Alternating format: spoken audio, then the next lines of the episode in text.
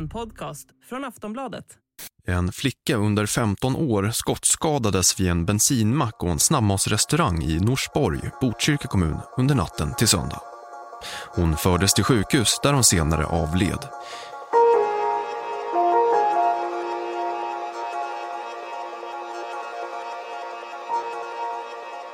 Nyheten om dödsskjutningen såg först ut att vara en i mängden.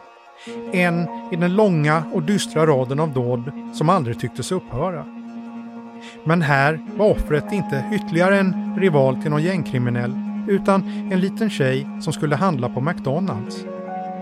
Flickan hade inte en chans när hon utsattes för ett kulregn från automatvapen som avlossades från en stulen och falskskyltad bil som försvann snabbt från platsen. Hon blev bara 12 år.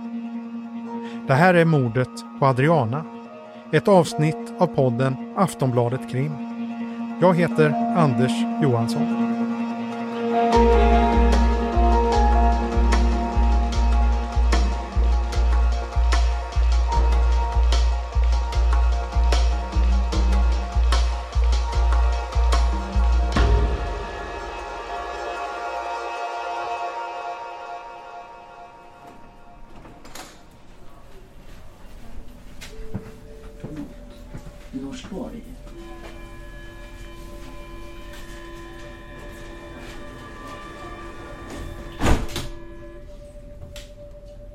Vi är på väg med tunnelbanan.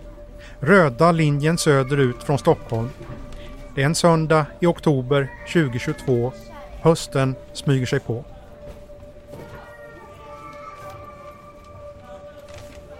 Efter 20 minuters resa ska vi hoppa av.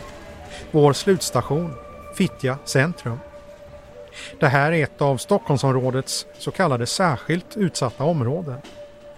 Utanför tunnelbanestationen är det en lugn, solig och fin höstdag. Efter någon minuts väntan möter vi personen som är själva anledningen till att vi åkt hit. Det är jag som Anders. Ja, hej, hej. Du kom här med solen i ögonen. Ja, vad fint att du kunde komma. Ska vi gå någonstans? Tjejen som vi möter upp heter Lilly och är 16 år. Hon visar vägen från tunnelbanan och vi promenerar något hundratal meter till Myranparken. Här, nära förskolan Myran, fanns först en liten linbana. Nu har lekparken utökats med gungor och en rutschkana i ett rör. Idag, den här söndags eftermiddagen, är några barn här och leker med sina föräldrar. På gräsmattan intill rastar en hundägare sin pitbull-liknande hund som smiter men blir kopplad efter en liten stund. Det var här som Lilly och hennes tjejkompisar brukade träffas och umgås ibland. En av tjejerna i gänget hette Adriana. En vanlig dag med Adriana. Det, antingen så var vi här i myran, precis här bakom oss. Eh, dag, ett dagis som vi alla, eh, hennes vänner och alla våra vänner som vi brukat umgås med då. Vi antingen var här eller vi tar till skolan och runt här. Eller så var vi på min altan med varandra eller hemma hos mig. Eh, och jag vet inte, vi hittade på dumheter. En gång så skulle vi raka ögonbrynen och inte raka utan vaxa skulle vi göra. Och vi, vi har ju aldrig vaxat i hela vårt liv innan. Så vi sätter på de här vaxbladen som man vaxar benen med på ögonbrynen. Så att när vi drar bort det runt om så vi, vi, var, vi var så röda så vi kunde ju knappt gå ut efter det där. Vi var som tomater i pannan och herregud och det gjorde jätteont. Shit alltså. Andra dagar gjorde de musik. Lilly beskriver att hon skrev låtar och Adriana sa att hon skulle göra si eller så. Ibland sov de över. Det var en väldigt nära vänskap. Så som jag skulle beskriva henne kommer hon alltid vara min bästa vän. Hon var ingen kompis till mig, hon var min lilla syster och min bästa vän. Alltså, så som jag klickade med henne har jag aldrig klickat med någon innan. Jag vet inte hur jag ska förklara just det, men alltså ni vet, alltså när man bara träffar någon och man vet att det här känns rätt och man bara klickar och man är så lika varandra på vissa sätt men ändå så olika. För hon var liksom så här precis som mig fast jag var så här mer ansvar. Förstår du? Jag var som hennes stora syster. Men annars vi hade så samma ADHD, samma, alltså samma så här humor, samma så här, vi var jättelika på många sätt. Lördagen den 1 augusti är på många sätt en vanlig sommardag. Efter en sval julimånad blev det äntligen sommarvärme igen. En härlig och bekymmersfri tid för alla som har ledigt. Det är fortfarande två veckor kvar på sommarlovet. Den här dagen umgås Lilly med sin vän Cassandra. Adriana verkade vara hemma hela dagen men hörde av sig på kvällen. Eh, sen ringde hon mig på kvällen och bara kan jag komma till dig? Säger jag bara nej men Cassandra är här och vi ska sova snart för klockan var ändå typ tio och jag var, jag var, jag, det var sent liksom för mig då. Så jag bara nej men det går inte, vi får ses imorgon. Hon bara jo jo jo jag vill gå ut. Jag bara vad ska du ens göra ute klockan är tio? Så jag bara gå och sov liksom. Sen vet du hon bara okej okay, okej okay, hejdå. Eh, sen efter en stund så ringde min vän Malena upp mig och sa hon bara vet du det är en fest här i eh, Farstområdet där någonstans. Hon bara ska du komma? Hon bara Adriana ska komma. Jag bara, jag bara vadå Adriana ska komma? Är du dum eller? Jag bara nej jag är med Cassandra och du ska inte få Adriana att åka ända dit den här tiden. Är du dum? Så jag började skrika på henne. Så hon bara okej okay, okej okay. jag säger till henne att hon inte får komma. Jag bara ah bra. Så jag ringer Adriana. Jag bara varför ska du, varför, vad är det här att du ska åka dit och jag vet inte vara på någon fest där? Är du dum eller? Så hon bara okej okay, nej jag ska inte gå dit. Jag bara ah, du ska stanna hemma. Hon bara ah, jag ska, jag ska sådär. Sen går det lite tid. Lilly och Cassandra håller till i rummet där de ska sova. Efter ett tag skickar Adriana en bild på Snapchat. En bild på hennes fot där det framgår att hon är ute. Så jag, jag skriver till henne. Jag bara, vad gör du ute?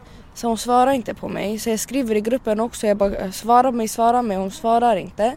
Hon skriver typ i gruppen så här, vem vill ha Donken? Jag ska till Donken. Vem vill, äh, vill någon ha? Jag kan köpa med. Jag vet inte vad. Sen till slut hon kommer in i chatten. Jag bara, eh, du ska inte ut. Gå hem nu. Vad gör du ute? Kolla klockan. Alltså, gå hem. Vad gör du ute? Så jag blev så arg. Så hon bara, ja, ja, jag ska bara till Donken. Eh, jag, jag går hem runt tre. Min buss kommer då. Du låter som min mamma så här typ, ja, sen jag bara, med som din stora syster. Så låter de sista meddelandena som Lilly och Adriana skickar till varandra. Adriana skriver att hon bara ska äta. Sen ska hon åka hem med sin buss som kommer tre. Sen skriver hon Man tror att jag skriver med min mamma. Lilly svarar Ja, men jag är din stora syrra. Sen skrivs inget mer. På söndagsmorgonen vaknar tjejerna av ett telefonsamtal. Och eh, vi vaknade av att eh, Cassandras mamma ringde till henne och frågade vart hon var och så för hon hade hört på nyheterna att någon hade blivit skjuten vid någon mack.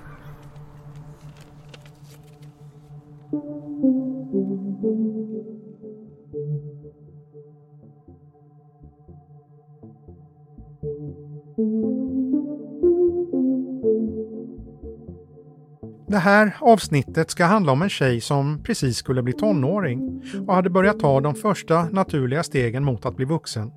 Och den här gången ville stanna hemma när mamma och småsyskonen skulle resa på semester. Det ska även handla om utvecklingen i de kriminella gängen och skjutningarna som slår rekord i antal. Brott som drabbar inte bara de tänkta måltavlorna utan också människor som bara är ute i helt vanliga ärenden. Brott där uppklaringen ofta är så låg som 20 procent.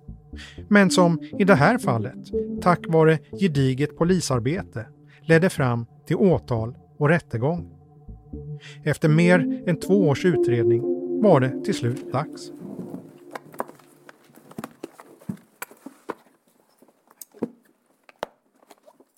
Vi är i Attunda tingsrätt. Oktober 2022.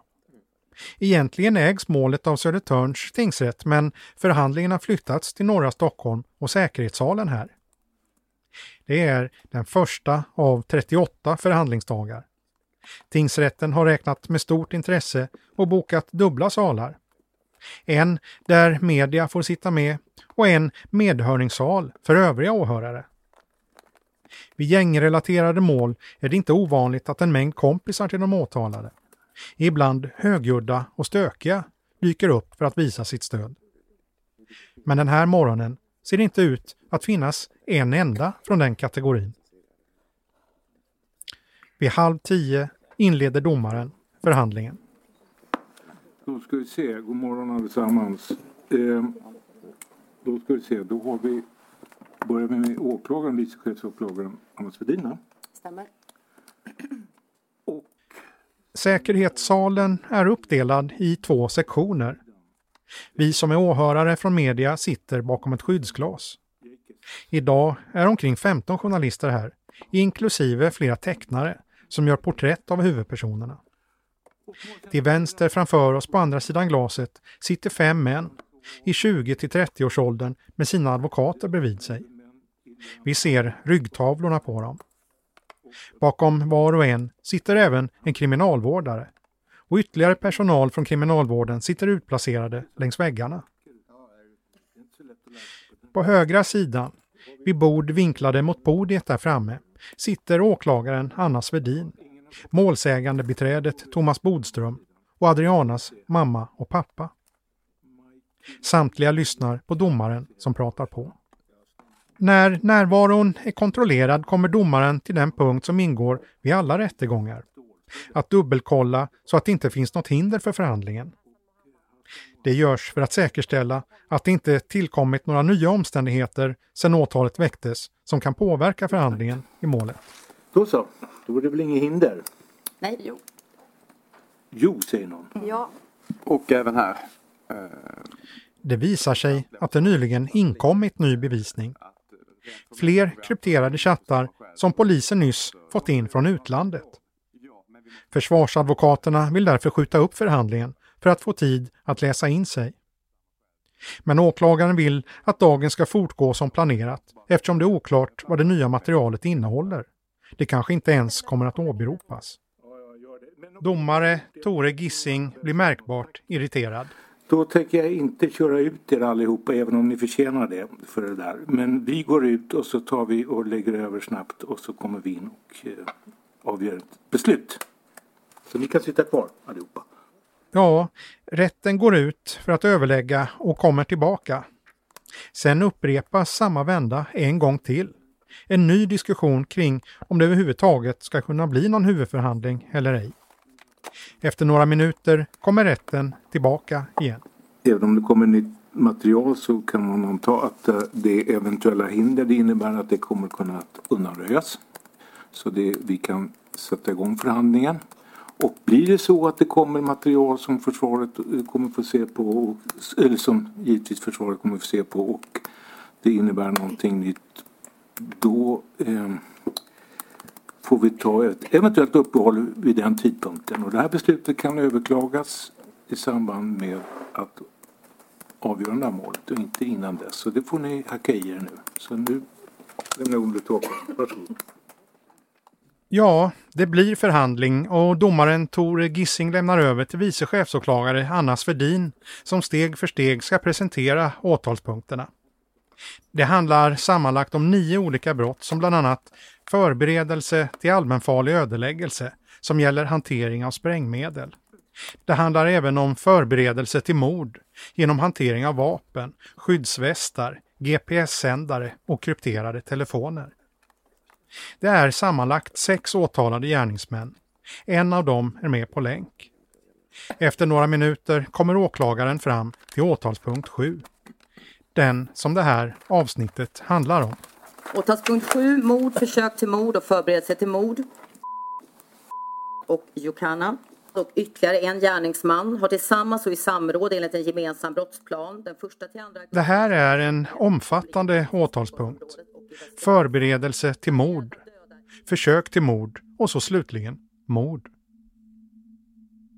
Efter en detaljerad beskrivning kommer vi till händelserna på Skällmacken i Norsborg den 2 augusti 2020. Gärningsmännen har anlänt till brottsplatsen i en falskskyltad Audi från vilken de avlossat ett stort antal skott vid flera skottillfällen med tre vapen. en automatkarbin Kalashnikov, en kulsprutepistol Skorpion och en revolver Smith Wesson. Automatelden avsky, avfyrats urskillningslöst och svepande. Två av skotten träffar Adriana som avlider till följd av skottskadorna.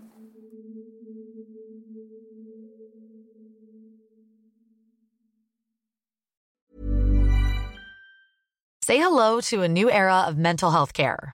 Cerebral is here to help you achieve your mental wellness goals with professional therapy and medication management support. 100% online. You'll experience the all new Cerebral Way, an innovative approach to mental wellness designed around you. You'll get a personalized treatment plan from a therapist, prescriber, or both in a safe and judgment free space. Your cerebral therapist or prescriber will outline a customized plan with clear milestones along the way so you can get to feeling your best. With Cerebral, you're not alone in your mental health journey. We're here to empower you to live a fulfilling life.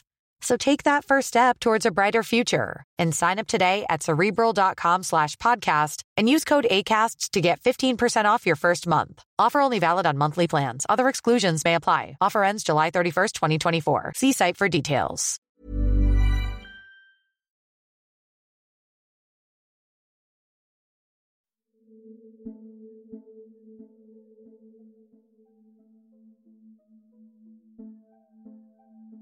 När skotten föll vid Skällmacken i Norsborg natten till den 2 augusti var det starten på en av de senaste årens mest uppmärksammade polisutredningar. Det var samtidigt ännu en av en rad händelser som av polisen kopplas till en av de mer långdragna gängkonflikterna som skakat Stockholm. För att förstå vad som ska ha lett fram till skotten som dödade Adriana tar vi avstamp i den blodiga striden mellan två nätverk. Mej-nätverket och Vårbynätverket. Ja, den här konflikten har pågått under ganska många år. Det handlar ju då om Mejkill, eh, som ju är själva ledaren för Mej-nätverket, som under många, många års tid har haft en lång konflikt med Vårbynätverkets, en av Vårbynätverkets ledare. Det här är Linda Hjertén, kriminalreporter på Aftonbladet. Och det här, den här konflikten vet man inte riktigt varför den startade till att börja med, för att de var egentligen barndomsvänner som sen av någon anledning hamnade i konflikt med varandra. Och den här konflikten har lett till ett flertal skjutningar, eh, ett flertal mord och mordförsök, eh, varav ganska många av dem har man inte kunnat döma någon för. Precis som Linda säger så är det oklart vad som egentligen satte igång konflikten. Men under åren verkar Michael Jokanna ha utvecklats till Vårbynätverkets främsta fiende. Detta trots att Vårbynätverkets ledare alltså var vän med honom som barn. Men det här handlar helt enkelt om barndomsvänner som har blivit fiender. Varför de två barndomsvännerna blivit fiender vet vi alltså inte. Men vi vet att de båda två tidigt börjar begå brott. Meikil Jokannas historia är brokig.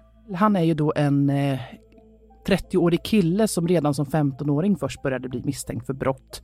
Han har sedan dess haft en ganska lång brottslig bana, suttit i fängelse vid olika tillfällen. Eh, han har blivit beskjuten vid ett flertal tillfällen.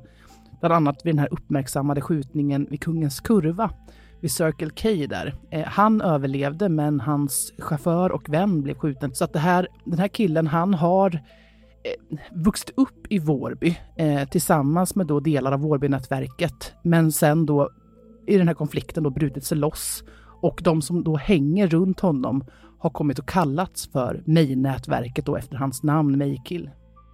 Exakt hur många våldsdåd som kan kopplas till konflikten mellan Mejnätverket och Vårbynätverket är svårt att säga.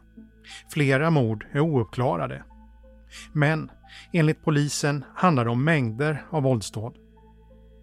I ett polis-PM beskrivs flera händelser som knyts till konflikten. Ett axplock 2011 skjuts Michael med ett flertal skott i ett trapphus i Vårby gård. Ingen har blivit lagförd för mordförsöket, men enligt polisen är det här startskottet för konflikten. Michael flyttar några år senare från Vårby till Västerås. Men konflikten består och fördjupas. Vi fick samtal strax före nio om skottlossning i Vårby.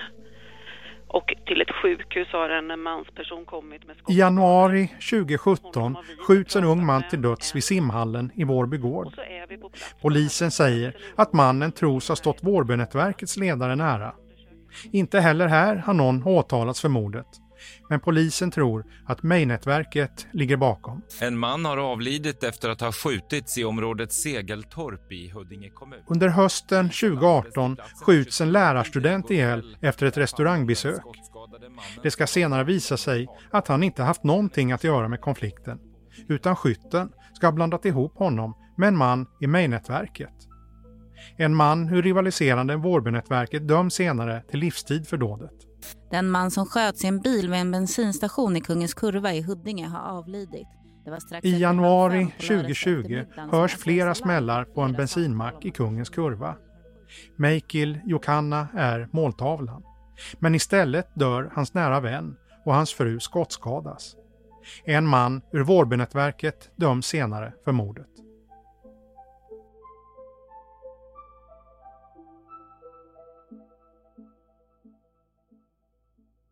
Det är några av de dåd som kopplas till konflikten under de senaste åren. Under 2020 fortsätter striden. I krypterade chattar kan man se hur Vårbynätverket tycks planera att mörda rivalen Meikil. Samtidigt tycks Meikil å sin sida planera att mörda flera personer ur Vårbynätverket.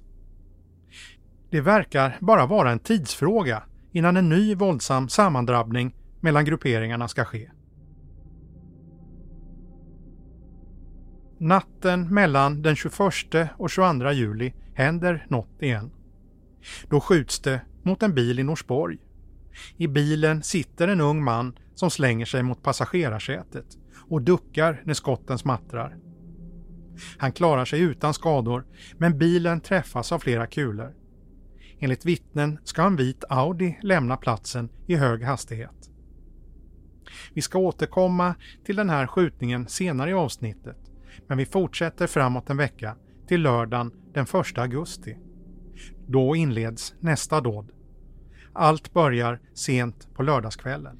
Ja, då får då enligt åtalet eh, ett antal medlemmar från Mejnätverket då information om att eh, några av deras då konfliktpersoner eh, från Vårbynätverket befinner sig vid den här McDonalds restaurangen då i Botkyrka.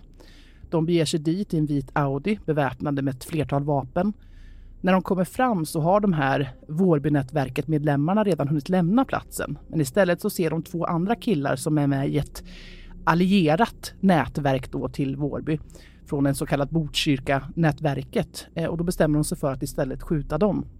På övervakningsfilmer från McDonalds och Shellmacken ses en vit Audi som rullar in.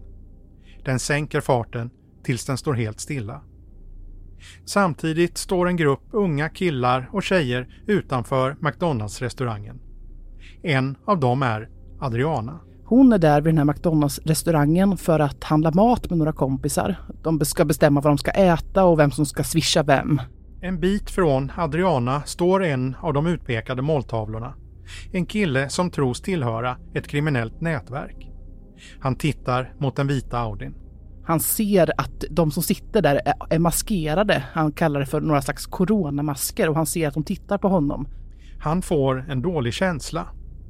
Sen sker allt fort. Han och hans vän börjar då springa och samtidigt så börjar de här eh, killarna i bilen då att spraya som åklagaren har beskrivit med kulor över den här platsen. På övervakningsfilmer syns hur flera skott avlossas från bilen samtidigt som den börjar rulla igen. Kulorna smattrar runt Adrianas kompisgäng som står utanför McDonalds. De står och tittar på menyn när det här, de här skotten börjar vina. Eh, och då beskriver då hennes överlevande vänner hur de hör de här skotten. Eh, de börjar springa åt varsitt håll som man ju gör i panik när det börjar skjutas. Samtidigt som barnen springer så springer även de utpekade måltavlorna. Eh, de här två killarna från Botkyrka-nätverket de lyckas undfly kulorna. Den enda som träffas av alla de här skotten är då 12-åriga Adriana. Ja, två av kulorna träffar 12-åriga Adriana när hon och vännerna försöker springa bort från skottlossningen. Och de, en av vännerna ser hur Adriana liksom sjunker ihop men han tror att hon duckar för kulorna så han till och med försöker ropa på henne. Varför duckar du Adriana? Kom nu!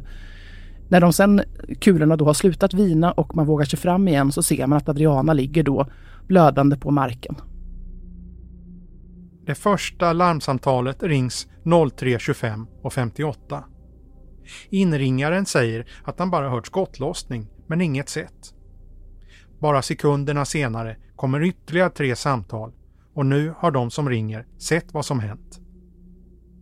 När ambulansen kommer till platsen tror de att de kommit fel. Det är lugnt och stilla men efter ett tag ser de att några står och vinkar en bit bort. När de kommer fram hittar de Adriana på marken. Bredvid hennes kropp ligger en tjugolapp. De ger henne vård och skjutsar henne sen till sjukhus. Men det hjälper inte. Adriana dör. 12 år gammal.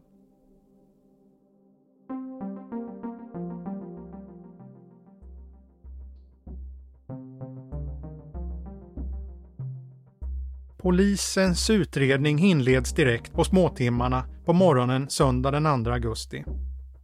Dagen därpå, måndagen den 3 augusti, får polisen en första ledtråd.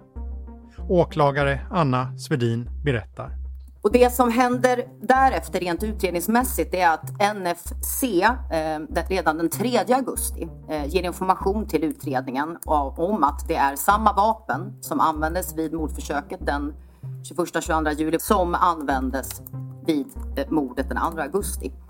Samma vapen har alltså använts under både skjutningen mot bilen en vecka tidigare och under mordet den 2 augusti.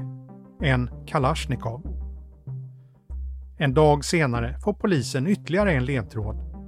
Det kommer in ett anonymt samtal. Polisen 112.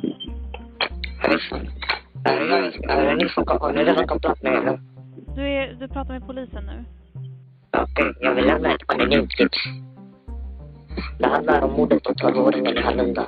Samtalet kommer in till polisen tisdagen den 4 augusti. Personen som ringer vill inte säga vem han är. Men han säger att han har information om mordet på 12-åringen i Hallunda. Alltså Adriana. Okej, jag ska säga till er vem det är som har gjort det här mordet. Han anger då tre personer med för och efternamn, hur gamla de är och deras adresser. Och säger att de ligger bakom mordet. Det är de som satt i den där vita Audi. Han berättar mer. Men de ville inte döda den 12-åriga flickan. De sköt henne av misstag. Han säger alltså att de sköt henne av misstag. Larmoperatören frågar om man vet någonting om flyktbilen, var den är. Det där vet jag inte vart flyktbilen har tagit vägen, men det är de som har avlossat skottet. Han säger att de kommer sätta eld på flyktbilen. Inringaren kopplar också bilen till den tidigare skjutningen. Den i Norsborg, drygt en vecka tidigare. Det var samma bil. Det är samma bil som har gjort den här skjutningen i Hallunda. I Norsborg. Inringaren förklarar flera gånger under samtalet att han inte vill ha med utredningen att göra och att han inte har mer information att ge. Han vill bara peka ut de tre personerna. Larmoperatören gör vad hon kan för att hålla kvar inringaren i telefon, för att få honom att säga mer. Efter 24 minuter lägger han på. Nej, men jag lägger på. Jag vill inte prata mer om det här ärendet. Jag har redan sagt det vet. Polisen tar samtalet på största allvar. Och det gör ju att eh, all utredningsresurs riktas mot de här tre personerna. För det är det man har att gå på. Polisen går också ut med en efterlysning och säger att man letar efter en vit Audi. Den 5 augusti så kontaktar ett vittne 114 14 eh, och berättar att han har noterat en vit Audi i Djupdalsgaraget i Sollentuna. Tidigare samma natt har det inkommit ett samtal till SOS Alarm. S112, vad har inträffat? Inringaren berättar vad han sett. Ja, hej. En vit eh, bil, kanske Audi, brinner på bron Kebersolsen. Inringaren säger alltså att han ser en vit Audi som står och brinner. Han berättar vidare. Ja, det öppnar framdörren, förardörren. Ja, jag tänkte på elden. Slår det med eld nu? Det är eld överallt. Ja, just det. När polisen kommer dit är bilen övertänd. Men det går ändå att säkra en del lösa föremål som legat i bilen. Åklagarsidans tanke är väl att det är med anledning av att man går ut och efterlyser en vit Audi. Då måste man göra sig av med eh, den. Två dagar senare åker de till garaget där ett vittne säger sig ha sett en vit Audi tidigare. Där görs ett nytt fynd. Man åker dit och den 7 augusti så påträffar polisen en patron som ligger på golvet. Tio dagar senare kommer nästa pusselbit. Den 17 augusti så får man också information från NFC att eh, DNA återfinns på en mössa som låg i bagageutrymmet i den vita Audin och vi kommer återkomma till den här mössan.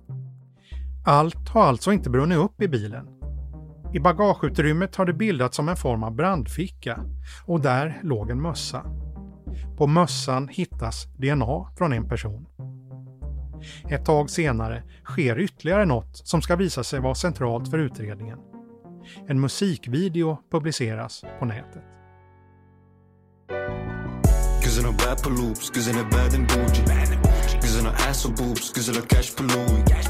Baby jag på Gucci, jag bär Kalash och Uzi. Livet är helt otroligt, livet är som på movie. I videon syns maskerade personer som bär vapen och riktar dem mot kameran.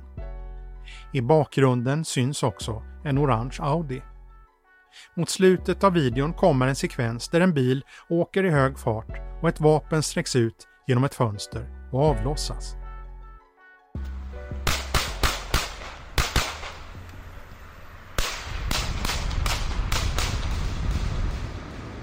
När videon läggs ut vet inte polisen hur viktig den ska komma att bli. Vi återkommer till varför.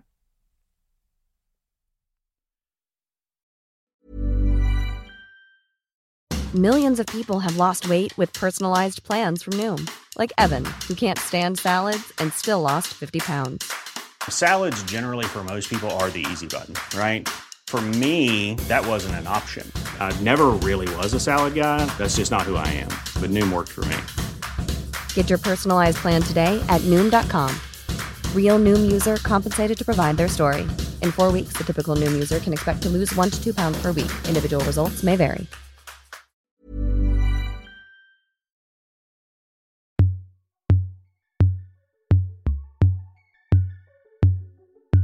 Drygt två månader efter mordet på Adriana har polisen alltså en del spår att gå på. Tre personer har blivit utpekade av en anonym inringare och en vit Audi är intressant men inga formella misstankar finns. Den 7 september sker ett nytt dåd. Den 7 september sker som tingsrätten väl känner till mordförsök på i Vällingby eh, då eh, deras bil beskjuts. Ja, det sker ett mordförsök. Och det som är intressant för den här utredningen är att tre av personerna som sitter i den beskjutna bilen är samma tre personer som den anonyma tipsaren pekat ut som ansvariga för Adrianas död. I samband med mordförsöket beslagtar polisen en telefon. Och när man börjar undersöka den här telefonen då hittar man först två stycken små tumnaglar, det vill säga det är eh, förminskade bilder som, som till att man ska kunna förhand, förhandsgranska en större bild. Och eh, på de här bilderna så ser man eh, vad som sedermera visar sig vara eh, foton från inspelningen av musikvideon. Man hittar också ett första utkast av den här videon. Utredarna hittar alltså råmaterial från samma rapvideo som publicerats några dagar tidigare. Men med en avgörande skillnad. Och I det här första utkastet där är personerna inte maskerade på samma sätt som de är i den slutliga versionen. Man har heller inte ändrat färgen på den vita Audin. För det gör man i den slutliga versionen. Då har man försökt göra om den vita Audin till en orange Audi. Man har också eh, lagt mycket möda på att dölja registreringsnumret på den vita Audi musikvideon. Men det har man inte gjort i den, det första utkastet. En av personerna som syns i videon är Meikil Jokanna. Utredningen börjar ta form.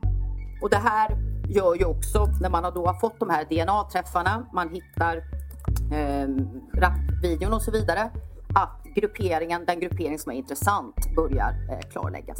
Några dagar senare kommer ytterligare en pusselbit. Patronen som hittades i garaget några veckor tidigare har spår från samma vapen som användes när Adriana blev skjuten.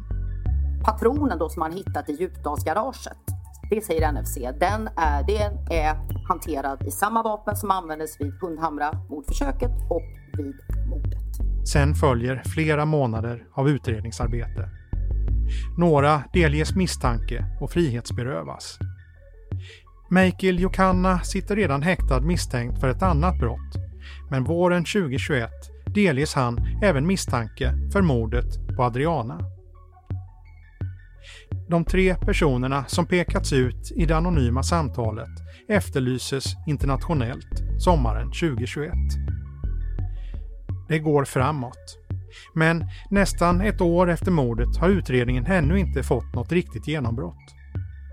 Det finns flera intressanta pusselbitar, men det tycks vara svårt att knyta ihop allt. Något saknas. Mitt i sommaren trillar det in.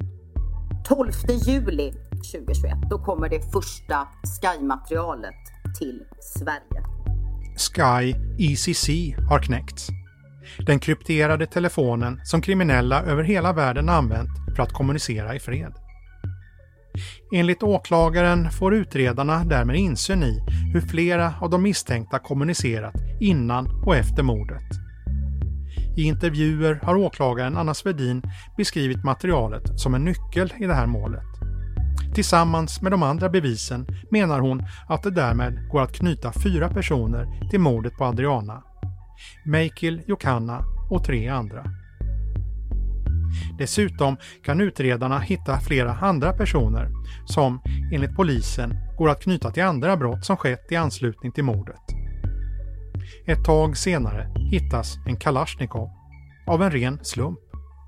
Och den 28 september så påträffar man den här AK47 som dels användes vid mordförsöket i Hundhamra, som användes eh, under inspelningen av Brochis och som användes vid mordet den 2 augusti. Den 14 oktober 2022, mer än två år efter mordet, väcks åtal.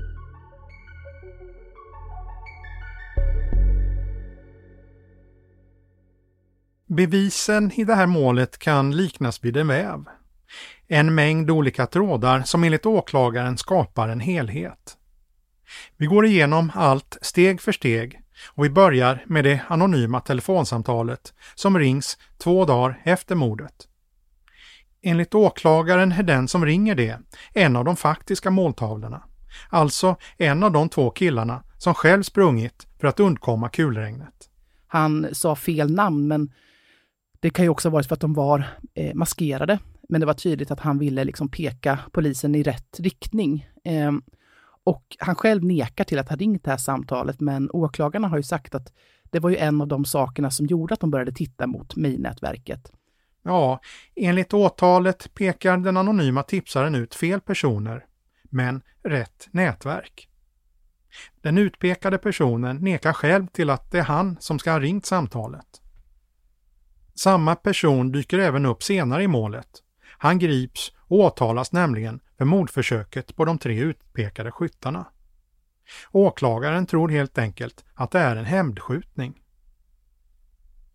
Musikvideon är en av de andra centrala pusselbitarna. Dels för att utredarna hittar råmaterialet där flera omaskerade personer hanterar vapen. Dels för att den vita Audin syns. Men också för att i råmaterialet finns en sekvens där en av personerna gör det som kallas patron ur. En rörelse som gör att den sista patronen i vapnet flyger ut. I rätten spelar åklagare Anna Svedin upp sekvensen. Jag kan ta det en gång till. Så hör man som sagt ett litet klink och det här kommer också ges in till tingsrätten.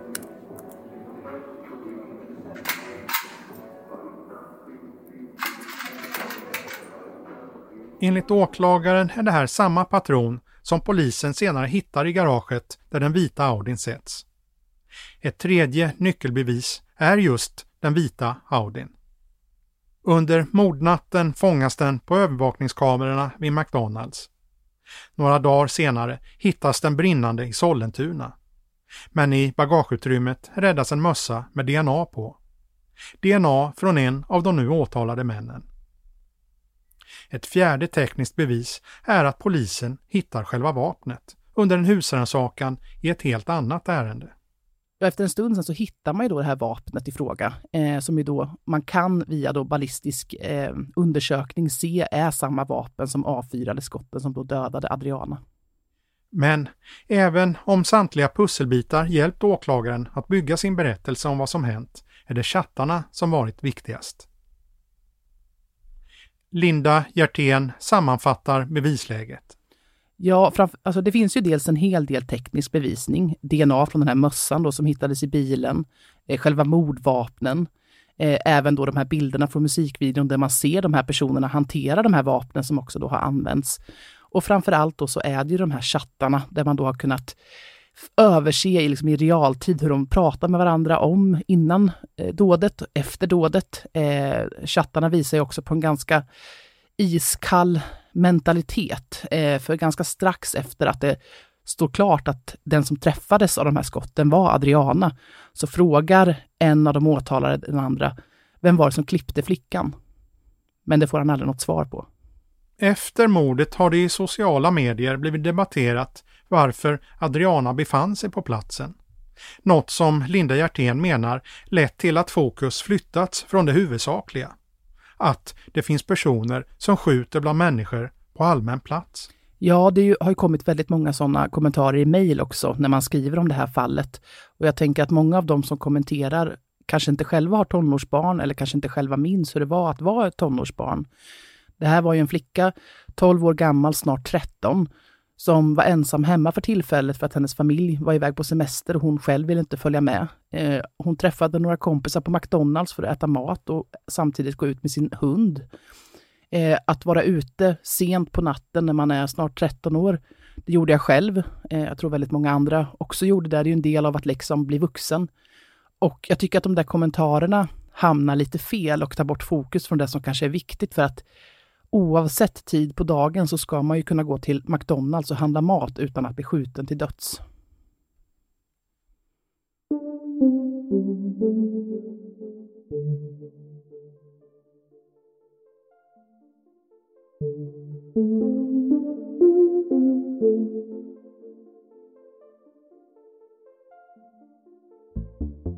Åklagaren har presenterat en mycket omfattande bevisning.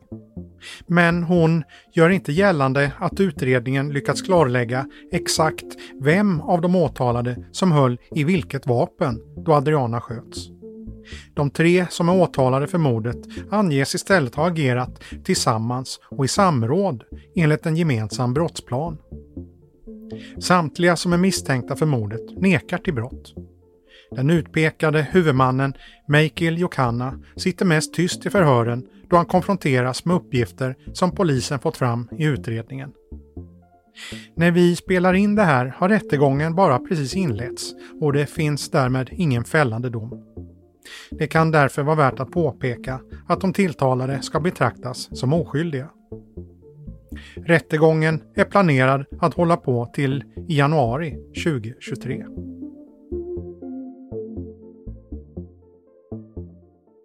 Det finns flera försvårande omständigheter som särskilt ska beaktas i det här fallet, framhåller åklagaren i åtalet. En sån gäller agerandet som gärningsmännen uppvisat vid skjutningen. De har visat stor hänsynslöshet. De har skjutit utan att ta hänsyn till risken för utomstående att drabbas. Den typen av agerande är något som Ardavan Korsnod intresserat sig för. Han är både specialistläkare i akutsjukvård vid Skånes universitetssjukhus och kriminolog. Han har sett resultaten av gängskjutningarna på nära håll och även följt hur tredje man, utomstående personer som inte har med de kriminella att göra, har drabbats. Vi ringer upp honom på Skype. Hallå! Ardavan Korsnod säger att det var väntat att ett barn skulle drabbas. Det har hänt tidigare och risken finns att fler kommer att drabbas framöver. Antalet mordoffer som kan betecknas som tredje man har i genomsnitt varit ett om året de senaste tio åren. Under samma period har dessutom ett 30-tal personer utsatts men överlevt med skottskador. Eh, och det kan då handla antingen om att man har tagit fel på personen, det som då heter error in persona, eller att eh, man har bara skjutit vilt eh, och en av kulorna har råkat träffa eh, tredje man. Hur tycker du att man ska se på risken för tredje man att drabbas? Är det en risk som har ökat?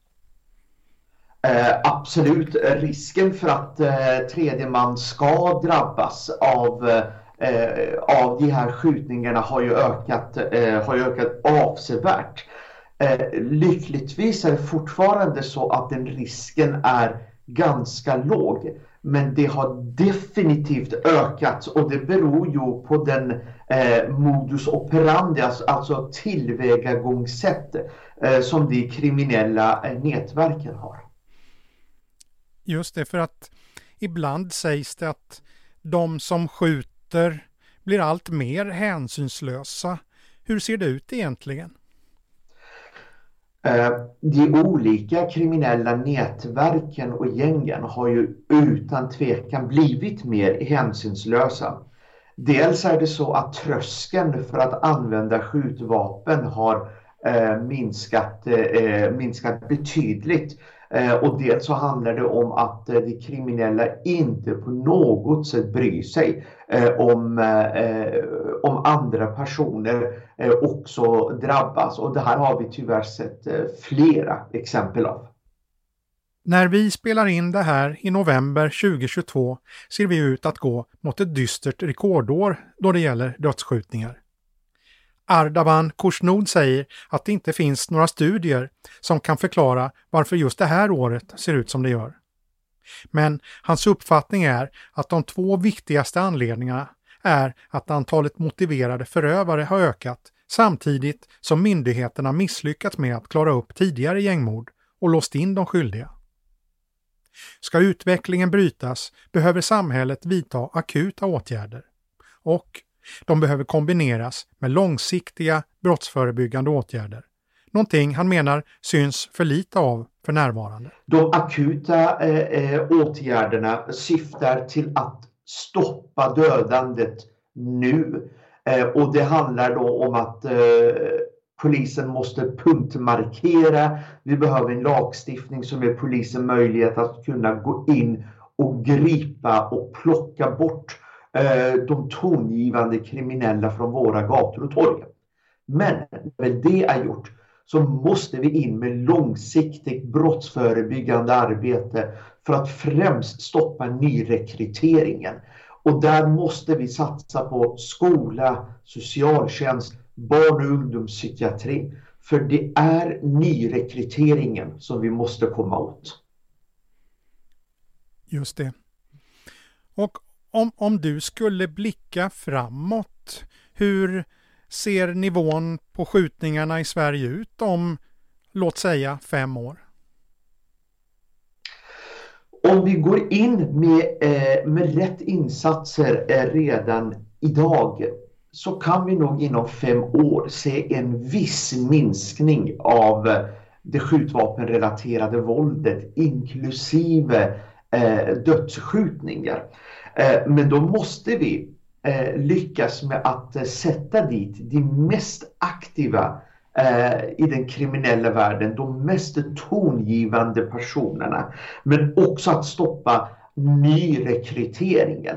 Gör vi det och det är rätt insatser så kan vi se en viss minskning. Eh, men reella Eh, eh, reella reformer eh, behövs för att vi ska, för, för, att vi ska kunna se en, eh, en kraftig minskning av det skjutvapenrelaterade våldet. Och det lär ta minst ett de, eh, decennium.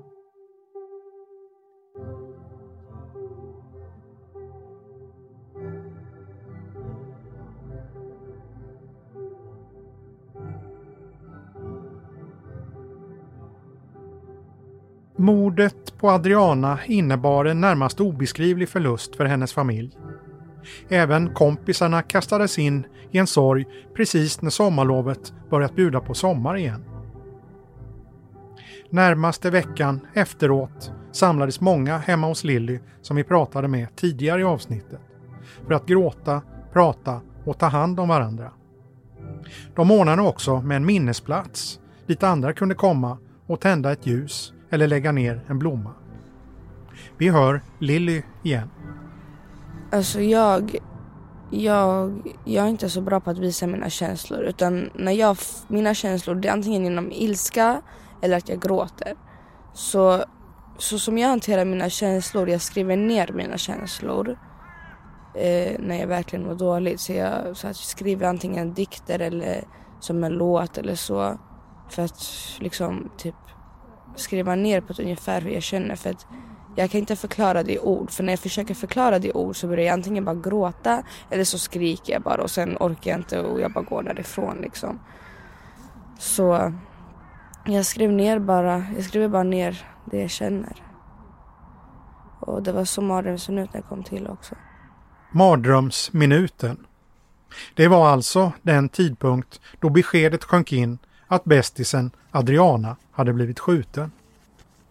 Det blev också titeln på en dikt som blev en låt för att hedra Adrianas minne. Lilly berättar att hon en dag, två veckor efter mordet, satt ensam på altanen hemma med papper och ett block. Och jag bara satt där ute och jag vet inte, det var ganska varmt och skönt tyckte jag så jag satt där ute.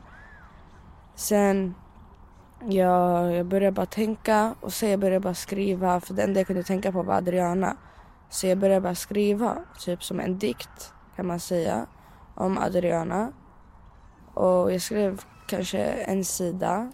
Hon rev ut sidan och la den ovanpå blocket inne på matbordet. Och tänkte sen inte mycket mer på det.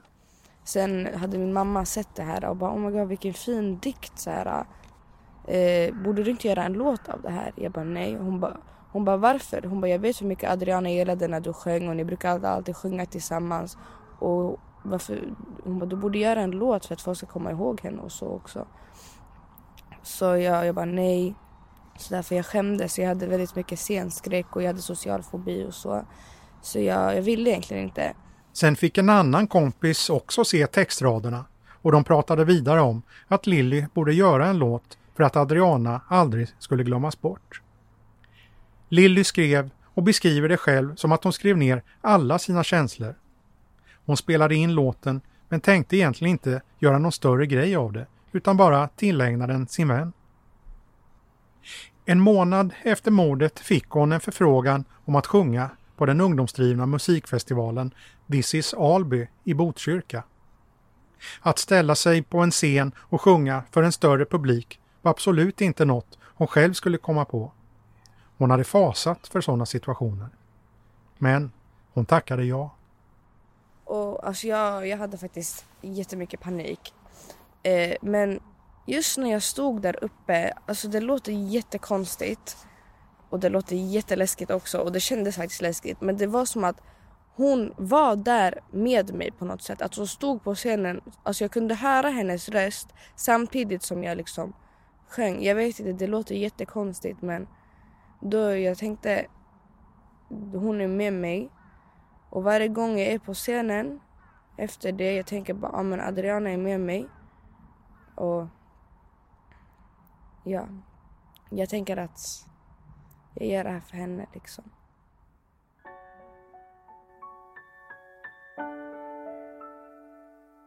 Vila i frid, Addi. 2007 till 2020. En flicka i yngre tonåren har dött efter en skjutning i Norsborg Botkyrka natten mot söndagen. Skjutningen inträffade vid halv fyra på natten vid en mack och det ska ha varit en förlupen kula som träffade flickan. Skott som alltså inte var menade att träffa henne. Jag kommer aldrig glömma bort mardrömsminuten. När jag fick reda på att du blivit skjuten. Tänkte det är inte sant, det får inte hända. Önskar jag tillbaka, tiden kunde vända. Du fanns alltid här för mig när jag mådde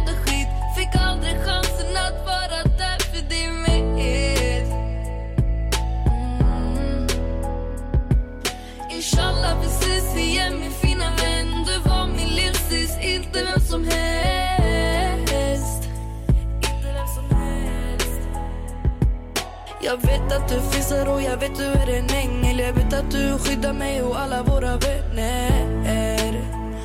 Och alla som du känner kan inte fatta att du är borta. Jag har fortfarande kvar din kofta.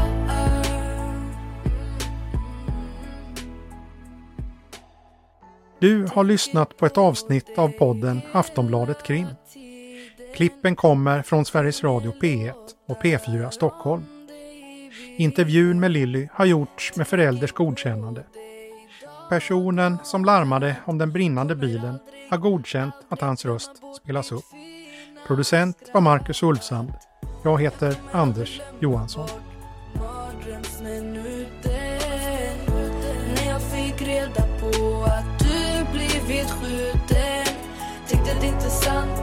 När jag tiden kunde vända.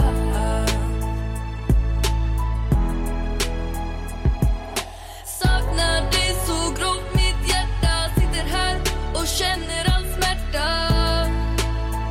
All smärta. Det är bara du som sett mig gråta. Från himmelen ser du alla mina tårar.